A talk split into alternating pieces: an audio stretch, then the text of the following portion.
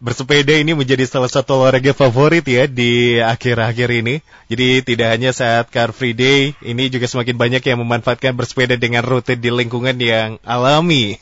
Memasuki fase new normal, ini geliat aktivitas masyarakat ya, tampak kembali hidup di berbagai sudut kota.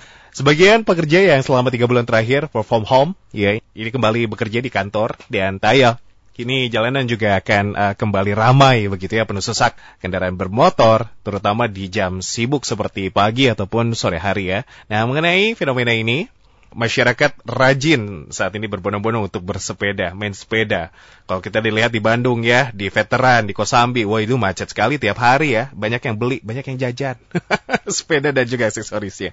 Mengenai itu, ini kita akan membahas ya uh, informasi berikutnya bersama narasumber kami di Fit for Life. Untuk temanya adalah manfaat olahraga bersepeda. Sudah terhubung Melalui sambungan telepon bersama Dr. Diar Medicine, Dr. Setiawan selaku penggiat GOES di IGO, UNPAD. Halo dokter. Halo Kang. Apa kabar dok? Alhamdulillah, ini sedang on the way kembali ke Bandung. Wah dari mana ini kalau boleh tahu? Dari Rumah Sakit Soreang kita silaturahim karena mm-hmm. akan memulai lagi pendidikan untuk calon-calon dokter Unpad nih hmm. di Rumah Sakit Jejaring salah satunya di Soreang. Di Soreang ya, mantap luar biasa. Ini dalam perjalanan pun dokter menyempatkan untuk berkenan bergabung bersama kami di Fit Radio Bandung bersama Dokter Setiawan. Ini mengenai manfaat olahraga bersepeda. Dokter juga selain saat ini aktif begitu ya, tadi juga ini sedang uh, ada kunjungan di Soreang dan menjadi salah satu penggiat goes juga di IGO Unpad. Betul IGO atau IGO? I, saya nyebutnya IGO ya. Ah, IGO, oke. Okay. Iya. Ini sedikit saja ini IGO ini apa ini? Jadi IGO ini adalah Ikatan Goes Unpad, mm -hmm. komunitas goes mm -hmm. yang menggabungkan baik itu dosen, mm -hmm. tenaga kependidikan, alumni, keluarga, dan kenalan-kenalan dari warga Unpad itu sendiri. Hmm. Jadi kita sifatnya terbuka okay. untuk sama-sama saling memotivasi lah.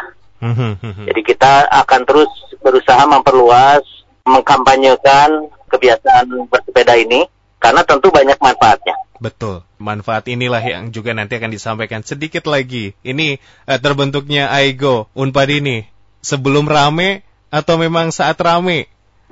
Oh, kebetulan sebelum rame. Wah, Jadi luar biasa. Penggagas berarti ya. Aigo ya? ini berdiri tahun lalu, Kang, okay. tanggal 18 Agustus. Hmm, hmm. Mantap ini. Mungkin membernya banyak ya saat ini, Dok. Ya di atas 100 lah kurang luar lebih. biasa ini kalau sudah main sepedaan bareng ini luar biasa ini konvoy berarti. Betul. Dokter baik itu dia sekilas saja mengenai Aigo Unpad yang juga tentunya mudah-mudahan warga masyarakat yang menyimak informasi ataupun pembahasan ini bisa bergabung nanti bersama keluarga Aigo Unpad. Nah bersama Dokter Setiawan dok, nah ini tadi juga menyinggung bahwa memang main sepedaan ini tidak hanya lifestyle saat ini saja tapi banyak sekali manfaat yang bisa dirasakan atau bisa didapatkan oleh orang yang memang ya bersepeda begitu. Ini menjadi salah satu olahraga favorit sekarang ini. Harganya pun menjadi harga yang luar biasa fantastis ya, sama mungkin hampir sama atau lebih dari kendaraan. Tanggapannya dok mengenai itu dok? Iya, jadi sebenarnya bersepeda itu salah satu jenis olahraga yang masuk dalam kategori olahraga aerobik. Jadi menggunakan banyak otot dan dari aktivitas otot yang banyak itulah mempunyai dampak terutama pada daya tahan jantung paru yang nanti akan memberikan kontribusi untuk kemampuan endurance kita atau daya tahan tubuh kita atau kebugaran fisik. Jadi physical fitness yang penting untuk kehidupan sehari-hari kita sehingga kita tidak akan mudah merasa lelah. Itu dia. Nah, jadi, mm, silakan dokter lanjut. Ya, jadi bersepeda ini sangat unik ya karena betul di satu sisi tentu olahraga ini bisa mahal kalau kita memilih sepedanya yang mahal karena banyak variasinya. Bahkan harga sepeda bisa lebih tinggi daripada harga motor atau harga mobil bahkan. Betul, betul. Nah, tetapi juga banyak sepeda yang sebetulnya relatif murah, terjangkau. Yang penting bukan di aspek sepedanya, tapi kita yang menggunakannya. Dan itulah yang menarik di olahraga sepeda ini. Relatif sebetulnya kita tidak, kalau sudah maju, yang menentukan bukan sepeda gitu tentunya yang lebih penting adalah yang menggunakannya. Yang menggunakan. Jadi istilahnya the man behind, eh bukan behind ya, above the bike-nya gitu atau yang pakai sepedanya gitu. Itu dia. Jadi ya memang kurang lebih gambarannya saat ini kondisinya seperti itu ya. Sudah di ya dikilas lah sama dokter Setiawan. Memang saat ini harganya juga fantastis. Tapi untuk sepeda yang memang mahal. Tapi jangan berkecil hati ya dok ya. Karena sepeda yang terjangkau juga banyak dan manfaatnya juga sama ya dok. Betul. Dan bahkan kalau kita ingin melihat seseorang itu master atau grandmaster dan bukan. Mm -hmm. Itu bisa dilihat dari jenis sepeda. Oh begitu ya. Jadi kalau sepedanya biasa-biasa, mm -hmm. tapi dia bisa mempunyai kecepatan ataupun kemampuan untuk menanjaknya luar biasa, wah itu kelihatan justru lebih keren gitu. Artinya target hmm. dari olahraganya itu sudah sangat baik, Betul. sehingga kemampuan fisiknya itu jadi luar biasa. Betul, itu dia. Kalau bukan dilihat dari gaya ataupun uh, stylenya atau gengsinya ya, ya oh. atau prestisenya ya. Benar, ih dokter Maya gengsi lebih lebih tepatnya itu ya, Dok. Iya. dok, kalau bersepeda ini kan disebut juga menjadi salah satu pilihan transportasi ya yang ya relatif aman dan di Bandung juga ada beberapa rute yang khusus dihususkan untuk yang bersepeda. Nah, kalau misalkan dikaitkan dengan uh, kondisi saat ini di tengah pandemi, juga apakah sama relatif aman dari penyebaran virus corona ini, dokter tanggapannya? Iya, jadi tentunya ini menjadi pilihan oh, moda transportasi yang lebih aman bila dibandingkan kita menggunakan kendaraan umum. Hmm, hmm, hmm, karena di karena kita bisa kalau bersepeda kan melakukan physical distancing.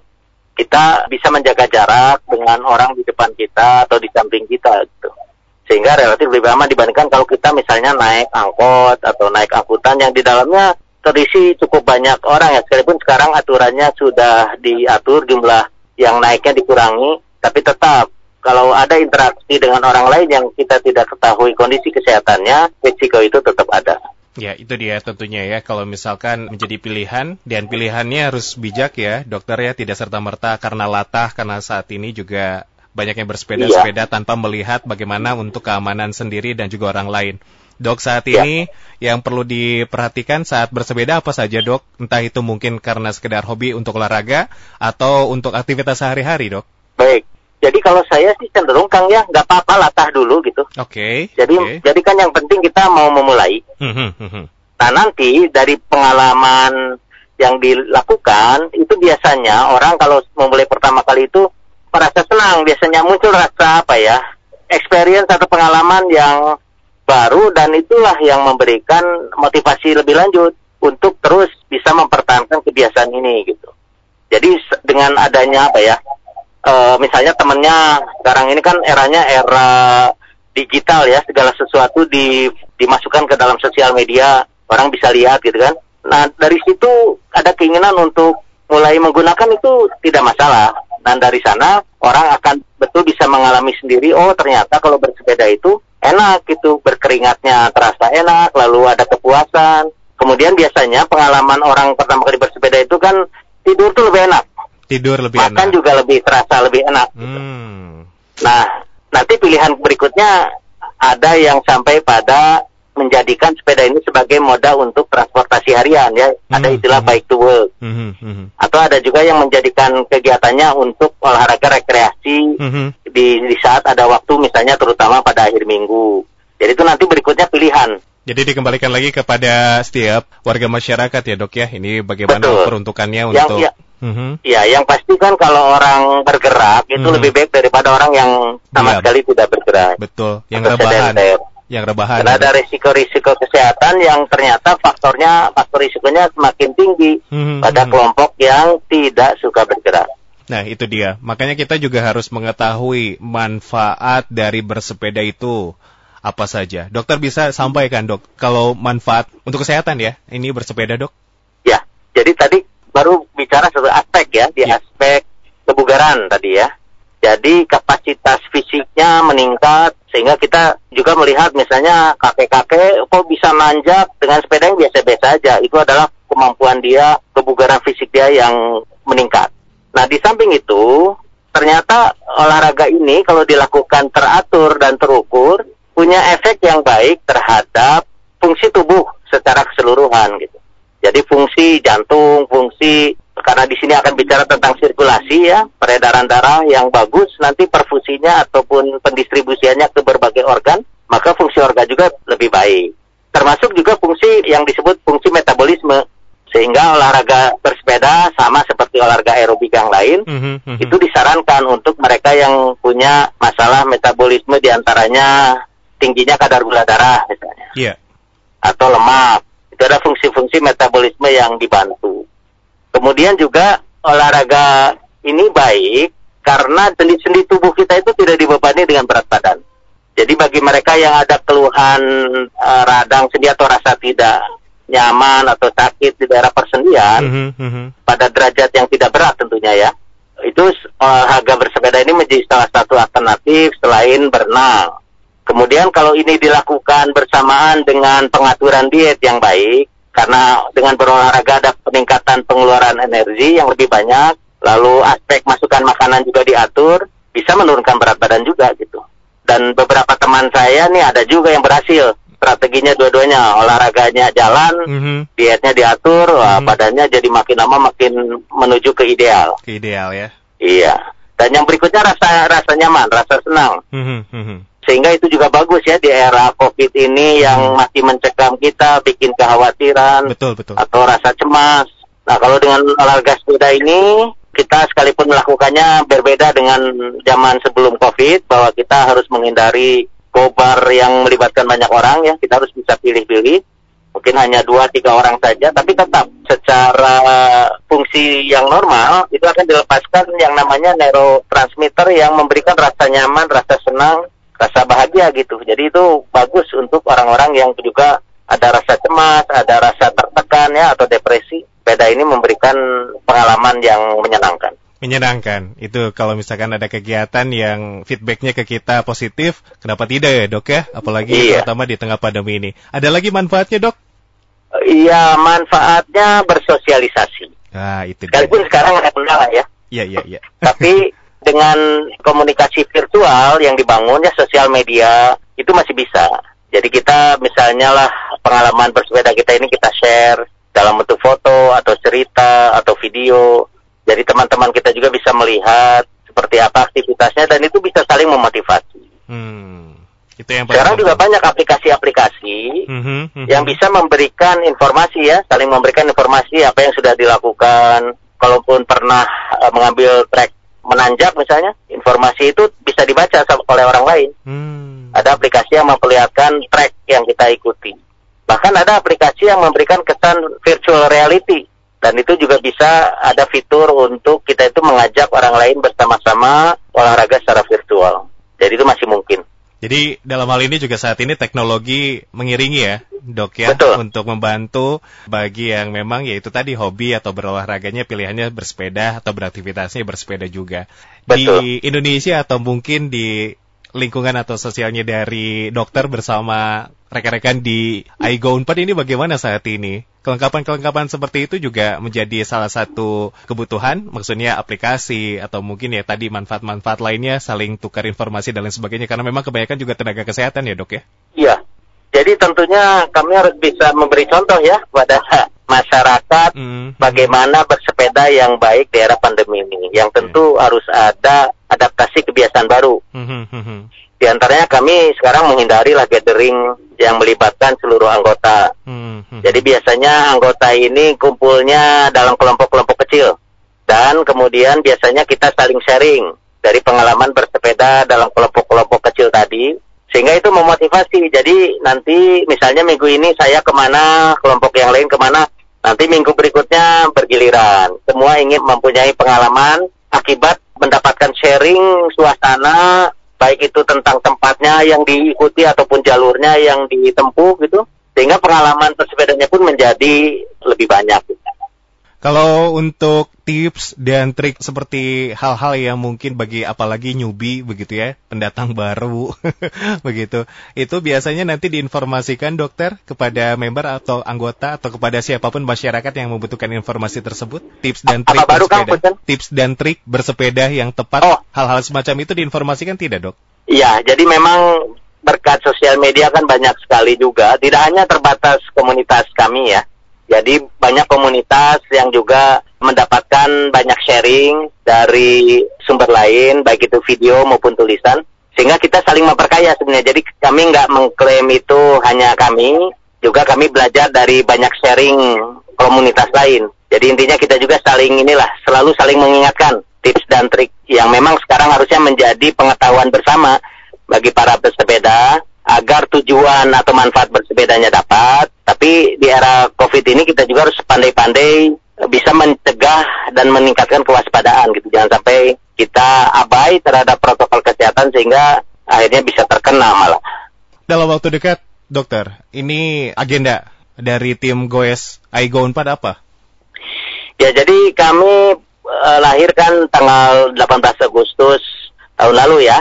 Jadi tahun ini kita baru berusia satu tahun nih Wah. komunitas yang masih unyu-unyu lah. Iya. Belum banyak pengalaman yang kami buat. Nah, jadi kami terinspirasi sebenarnya dengan komunitas lain yang sudah lebih eksis lebih lama, termasuk juga komunitas sepeda di dalam kampus ya. Mm-hmm. Di mana dalam kondisi seperti ini ya salah satu alternatif untuk bisa merayakan adalah kita misalnya mengumpulkan data berapa jarak tempuh, yeah sesuai dengan usia. Nah kebetulan karena Unpad ini usianya masuk pada tahun ini di usia ke 63 tahun. Mm -hmm. Ya kita nanti ngumpulin lah kilometer 63 kilometer yang bisa dilakukan sekaligus atau tidak dan itu dicatat melalui aplikasi yang tadi saya sampaikan. Aplikasi itu bisa mencatat track kita dan menghitung tentunya jarak mhm, tempuh. Mm -hmm.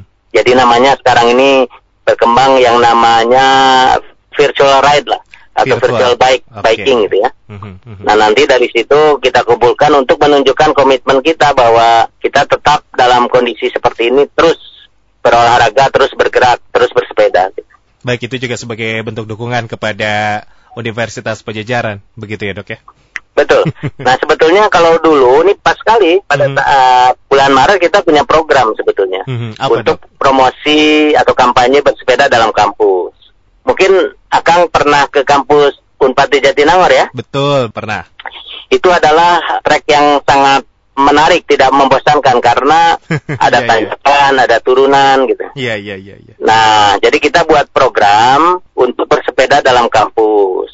Dan itu jarak dalam kampus itu sekitar 5 km itu. Naik dan turun jadi lumayan. Itu bisa sampai keluar keringat yang menyegarkan lah badan kita. Nah, kita membuat program dalam satu bulan, bulan Maret waktu itu sebagai bulan nyepeda. Dan diharapkan dalam sehari ada sekitar 20 yang bersepeda sehingga kalau dikumpulkan mm -hmm. kilometernya itu dalam sehari sampai 100. Dalam satu bulan mungkin efektif katakanlah 25 hari ya 2500. Jadi kita yeah. menggunakan tagline 2500 km bersepeda bersama dalam kampus. Mm -hmm. Itu mhm. setiap pagi kita lakukan. Mm -hmm. Dan sepeda akhirnya kita siapkan untuk mahasiswa, dosen, tenaga kependidikan yang kebetulan belum punya sepeda. Dan itu cukup ramai, hanya sayang karena COVID ini kan berhenti pada tanggal 16 Maret kampus menghentikan kegiatannya. Betul. Jadi betul. work from home, mm -hmm. belajar dari rumah, akhirnya kegiatan berhenti. Mm -hmm. Tapi mm -hmm. target setengahnya sudah bisa dicapai. Jadi mm -hmm. sampai lebih dari 1250 km waktu itu jarak total yeah. bersepeda yang sudah dikumpulkan. Baik Dokter Setiawan karena memang terganggunya aktivitas perkuliahan begitu ya, maksudnya secara tatap muka ataupun langsung ya saat ini. Apakah nanti dalam jangka panjang mungkin Unpad sendiri akan menyediakan rent bike ataupun rental sepeda secara gratis karena memang kita ketahui ya bahwa kawasan Unpad entah itu di Jatinangor ataupun di DU memang cukup luas juga ya dok. Iya, jadi yang kami pikirkan pertama itu sebetulnya membuat jalur khusus sepeda dalam kampus. Okay. Dan waktu itu kita hampir mendapatkan bantuan lah dari Kementerian PUPR, hmm, tapi memang hmm. kondisi sekarang berbeda ya. Betul, betul. Kemudian kita juga sudah membuat bantuan dari alumni dan juga sebuah perusahaan swasta. Hmm. Ada signatur, signet dalam kampus yang memperlihatkan jalur yang dilampaui oleh sepeda. Mm-hmm. Jadi itu juga salah satu upaya promosi kami. Mm-hmm. Dan sebelumnya sudah ada kerjasama dengan salah satu perbankan yang menyediakan shelter sepeda. Nah, teman-teman dari Fakultas MIPA itu sudah membuat juga prototipe pengembangan sepeda listrik. Oke. Okay. Karena kalau kita tidak ingin terganggu, ya maksudnya dengan kontur jalan dalam kampus yang agak menantang seperti itu, mm-hmm. memang idealnya sih sepeda listrik ya. Mm-hmm. Supaya kalau tanjakan tidak keluar keringat ya bisa dimainkan lah sedikit dibantu dengan tenaga listrik tadi. Mm-hmm. Tapi kalau orang yang terlatih sebenarnya nggak masalah. dengan trek seperti itu. Baik. Jadi ke depannya kita mendukung itu, tapi pembudayanya dulu memang harus dibentuk. Gitu. Mhm, mhm. Makanya kita kemarin ada strategi bulannya peda ya nanti kita lihat situasi upaya-upaya untuk istilahnya memberikan pengalaman langsung Mhm, mhm. kepada warga Unpad ini harus semakin dikembangkan dan alhamdulillah eh, pertumbuhannya mulai ada apalagi sekarang dengan adanya booming sepeda di era Covid ini Betul. makin banyak lagi orang yang bersepeda. Hanya tantangan di kampus kami memang kondisinya kan tidak dasar ya, itu Mhm, yang mhm, menjadi tantangan. mhm. Tapi sebagian besar mahasiswa kami sebetulnya kosnya di sekitar kampus. Hmm. Jadi akses ke kampus itu dekat saja. Apalagi kalau nanti tol Cisumdawunya sudah selesai, saya bayangkan jalannya menjadi lebih sepi dan itu ideal untuk bersepeda asal Pemdanya menyediakan juga jalur khusus sepeda. jalur khususnya begitu ya. Karena memang kita ketahui bahwa itu jalur antar kota dan juga provinsi begitu ya, dokter. Betul, betul. Saat ini seperti itu. Ya. Oke, baik dokter terima kasih itu informasi tambahan kepada Anda fit listeners ya dari dokter Setiawan mengenai ya kurang lebih manfaat sepeda. Dan dokter ini ada tanggapan dari pendengar ya dok ya yang sudah masuk melalui WhatsApp di 0811 Ada Bapak Tito di Cikutra. Dok, kalau bersepeda ini menggunakan buff eh, saja, apakah sudah cukup di masa pandemi? Atau mungkin Oke. ada beberapa yang bisa memprotek supaya tidak terinfeksi virus corona, dokter? Iya. Jadi ada stratifikasi risiko bersepeda sebetulnya. Jadi stratifikasi eh, sedang itu adalah bersepeda di jalur yang sepi. Kita bisa mengatur atau menerapkan physical distancing saat bersepeda. Nah, kalau kita yakin dengan itu, sebetulnya kita tidak perlu menggunakan pelindung ya sebetulnya.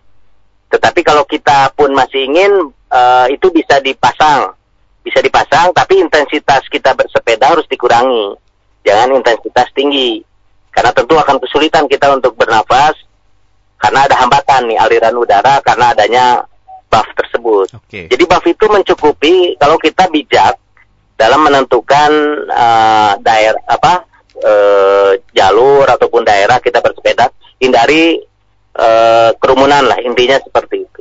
Tapi kalau kita sudah masuk ke hari Minggu ya, kalau kita datang ke daerah Dago gitu kalau di Bandung, wah itu sangat crowded tentunya kita harus bisa melindungi dengan itu. Kalau masker sendiri, kalau buff sendiri kan itu sebetulnya relatif eh, bahannya sih bervariasi masalahnya. Mhm. Ini kalau kita baca perkembangan kebi- kebijakan tentang masker, itu semakin berlapis ya memang punya proteksi eh, perlindungan yang lebih baik. Mhm, mhm. Tetapi kalau berolahraga kan kendalanya kita juga memerlukan asupan eh, oksigen yang cukup ya untuk kebutuhan yang meningkat pada saat bergerak. Gitu. Jadi intinya tentunya saya pikir saya lebih menyarankan bijak-bijaklah kita memilih tempat kita melakukan bers- eh, kegiatan bersepeda itu. Baik, terima kasih dokter dan demikian Mas Tito tanggapannya dari dokter Setiawan. Selanjutnya salam sehat saya mau bertanya, ini untuk anak saya yang berusia 15 tahun dokter. Apakah bersepeda diperbolehkan di masa pandemi ini? Atau aturannya apa saja ya yang mungkin bisa diperhatikan oleh orang tua? Dari Bapak Ridwan di Muhammad Toha. Dokter, silakan. Ya. Jadi menariknya bersepeda ini kan olahraga segala umur. Jadi tidak ada batasan usia. Usia sampai di atas 80 tahun kita bisa lihat kemampuannya luar biasa. Dimulai dari sejak kecil kebiasaan ini penting juga untuk untuk eh, tadi menumbuhkan masyarakat yang aktif bergerak. Mhm, mhm. Jadi kalau pada usia 15 tahun ya sudah sudah tentu pada usia yang tepat, tapi tentunya harus bijak pertama dalam memilih sepeda karena sepeda itu ada ukurannya, ada jenisnya. Mhm. Tergantung pada tujuannya bersepeda ini untuk untuk apa dan untuk di mana. Memang secara umum kalau untuk pemula yang eh, pilihan sepeda yang bisa digunakan untuk berbagai kondisi adalah mountain bike ya. Mountain bike itu eh, pilihan yang bijak karena bisa dipakai kalau kemudian dia suka bisa nanti masuk ke eh, apa jalur yang off road atau berbukit lalu atau jalur kota itu semuanya bisa gitu. Jadi pilihannya seperti itu ukurannya ya harus disesuaikan. Mhm, mhm. dan dan kemudian ada fitting ya fitting sepeda. Jadi eh, setelah ukurannya tepat juga nanti tinggi eh, sadelnya harus diukur dan segala halnya. Itu bisa berkonsultasi ke toko di mana kita membeli. Gitu. Baik. dan sesudah itu lakukanlah kegiatan bersepeda secara bertahap. Memang minimalnya tiga tiga kali seminggu ya. Kemudian minimal 30 menit dan intensitasnya kalau bersepeda jangan terlalu santai karena nanti Hmm. efek olahraganya kurang kurang tapi juga jangan berlebihan jangan berlebihan itu sampai kita nggak bisa nafas ya nggak juga Hmm. Tapi cukuplah terengah tapi kita masih bisa berkata-kata gitu. Okay. Nah itu itu cara mudah kita mengetahui intensitas yang tepat. Itu dia, tentunya Pak Ridwan terima kasih. Dan satu lagi, dokter, ini ada Hanifa di Riung Bandung. Ini jadi cerita, uh, saya terakhir bersepeda ini ketika SMA dan sekarang sudah bekerja. Kalau dalam jangka waktu tidak pernah bersepeda dan mau memulai lagi, lebih baik bagaimana ya tahapannya dokter? Uh, jarak apakah ya. ini perlu diperhatikan atau persiapan apa saja yang harus disiapkan? Baik, sebenarnya tadi terkait dengan jawaban saya untuk pertanyaan sebelumnya, itu usia 15 tahun kalau ibu kan sudah pernah jadi kan aspirasinya sudah ada nah kita bisa uh, mengevaluasi sepertinya dulu sudah bisa seperti apa nah di titik itu kita mulai dulu coba nanti kita bisa merasakan kalau kita dulu pernah dan sekarang memulai lagi pasti kemampuan kita akan menurun dulu dan nanti secara bertahap itu akan akan ada yang namanya adaptasi fisiologis ya adaptasi sehingga kemampuan kita akan meningkat dengan berjalannya waktu. Mm-hmm. Sehingga uh, kalau ingin memulai tadi yang saya sampaikan secara frekuensi itu ya kalau kita ingin mendapatkan efek atau manfaat dari dari olahraganya itu minimal tiga kali. Kemudian kalau dari sisi waktu, uh, sorry intensitas dulu ya, intensitas itu sedang ya, itu yang terbaik lah. Juga di era COVID ini bisa meningkatkan imunitas daya uh, imunitas tubuh kita ya. Nah itu indikatornya tadi kalau bersepeda kita agak terengah tapi masih bisa mengucapkan kata-kata ya. Tapi kalau kita masih bisa ngobrol santai itu berarti intensitasnya masih ringan. Hmm. Efek atau manfaat olahraganya kurang. Jadi kalau bisa sedikit uh, di apa? di speednya diatur gitu, kecepatan putarannya sepedanya juga diatur. Dan lamanya 30 menit itu adalah uh, waktu paling tidak kita juga ingin mendapatkan efek metabolik ya terkait dengan penggunaan uh, sumber energi yang ada mm -hmm. Untuk bisa memperbaiki fungsi metabolismenya 30 menit. Dan kemudian nanti dievaluasi saja dengan berjalannya waktu prinsip latihan itu harus progresif. Karena kan kemampuan kita juga makin lama makin baik. Maka tentu kalau dulu misalnya kita uh, ini dari Dago misalnya ke Tahura dulu empat kali berhenti nanti akan akan terasa bahwa dengan semakin rajin kita atau sering melakukan olahraga sepeda kita sanggup tanpa berhenti sampai ke Tahura bisa gitu. Nah jadi artinya dosis latihan itu disesuaikan dengan kondisi masing-masing orang dan e, perjalanan ke depannya seperti apa. Tentu akan lebih baik kalau itu dilakukan dengan e, terukur dan teratur. Baik itu dia Hanifah langsung ditanggapi oleh dokter dan dokter satu lagi ya. Ini di Panghegar ada Mas Yadi.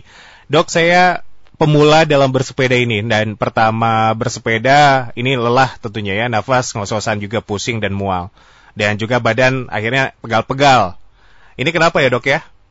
Ya jadi yang harus dihindari dalam olahraga itu overtraining dulu itu dikenal istilah kalau semakin kita menderita berarti semakin bagus. Bahkan olahraga sampai muntah-muntah lah ya istilahnya ya. Dipaksa begitu badan kita untuk untuk berlatih dengan keras. Nah, teori olahraga berkembang sekarang bahwa e, tentunya tidak seperti itu. Olahraga dengan dosis yang tepat itu akan memberikan efek yang yang bagus untuk tubuh tanpa harus kita merasa menderita gitu. Merasa pegal dan sulit. Jadi kalau ada kendala-kendala seperti itu berarti ada hal yang salah. Nah, apa yang harus dilakukan untuk mencegah hal itu? Pertama, prinsip dasar lah bahwa otot kita ini harus dipersiapkan. Jadi ada yang namanya warming up atau peregangan dan kemudian melakukannya secara bertahap. Kalau di sepeda bisa saja peregangan itu atau warming up itu dimulai dengan kita memulai bersepedanya tenang dulu, pelan dulu gitu.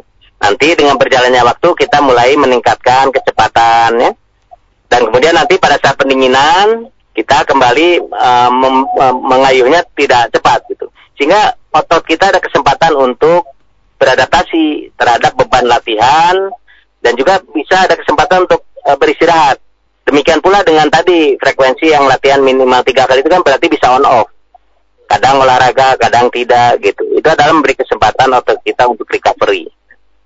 Baik, jadi itu dia tentunya Bapak Yadi di Panghegar ya, karena memang kalau misalkan olahraga ini harus diperhatikan jangan terlalu berlebihan juga. Biasanya ada tahapan-tahapan ya, awal-awal biasa dulu ya dok ya, terus nanti bisa lebih uh, intens lagi begitu ya untuk latihan-latihan dan juga berolahraga. Baik, dokter terima kasih telah menanggapi interaksi dari pendengar yang sudah masuk melalui WhatsApp ini banyak sekali juga yang bertanya karena memang itu tadi antusias warga masyarakat yang tertarik untuk bersepeda saat ini luar biasa.